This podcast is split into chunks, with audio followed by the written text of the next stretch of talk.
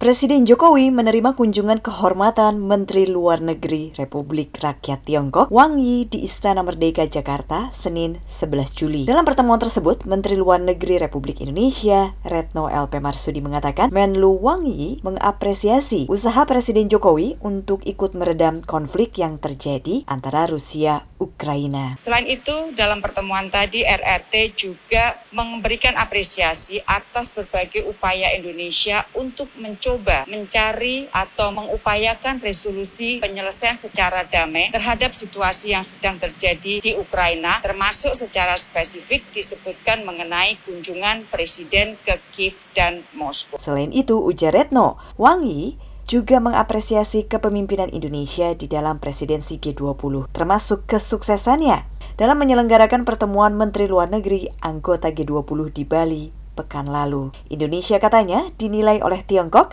dapat menjalankan kepemimpinannya di presidensi G20 dengan baik dan bijak di tengah banyaknya tantangan yang sedang dihadapi dunia pada saat ini.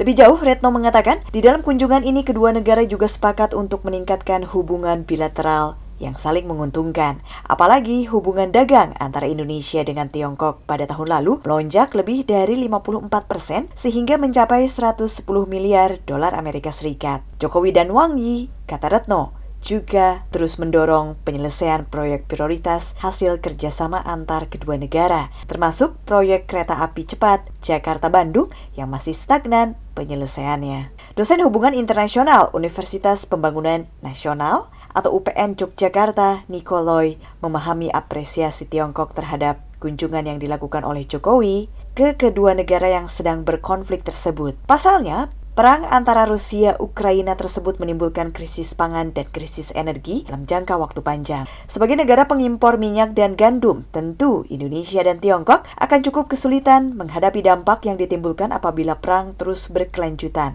Apalagi Bank Dunia juga telah meramalkan akan adanya krisis stagnasi ekonomi global akibat perang antara Rusia dan Ukraina tersebut. Niko mengatakan pujian Tiongkok terhadap upaya Jokowi untuk mendamaikan pihak yang sedang bertikai diharapkan dapat meredam situasi agar tidak semakin memburuk. Kita dua negara ini juga sama-sama adalah importer energi. Meskipun dalam aspek ini mungkin ketahanan energi Cina lebih besar karena mereka punya cadangan strategis gitu. Kita nggak punya gitu. Jadi langkah ini kemudian mungkin diapresiasi Cina karena membantu untuk dunia bahwa jalan ketiga itu mungkin untuk menyelesaikan konflik itu. Dari Jakarta, Gita Intan melaporkan untuk VOA Washington.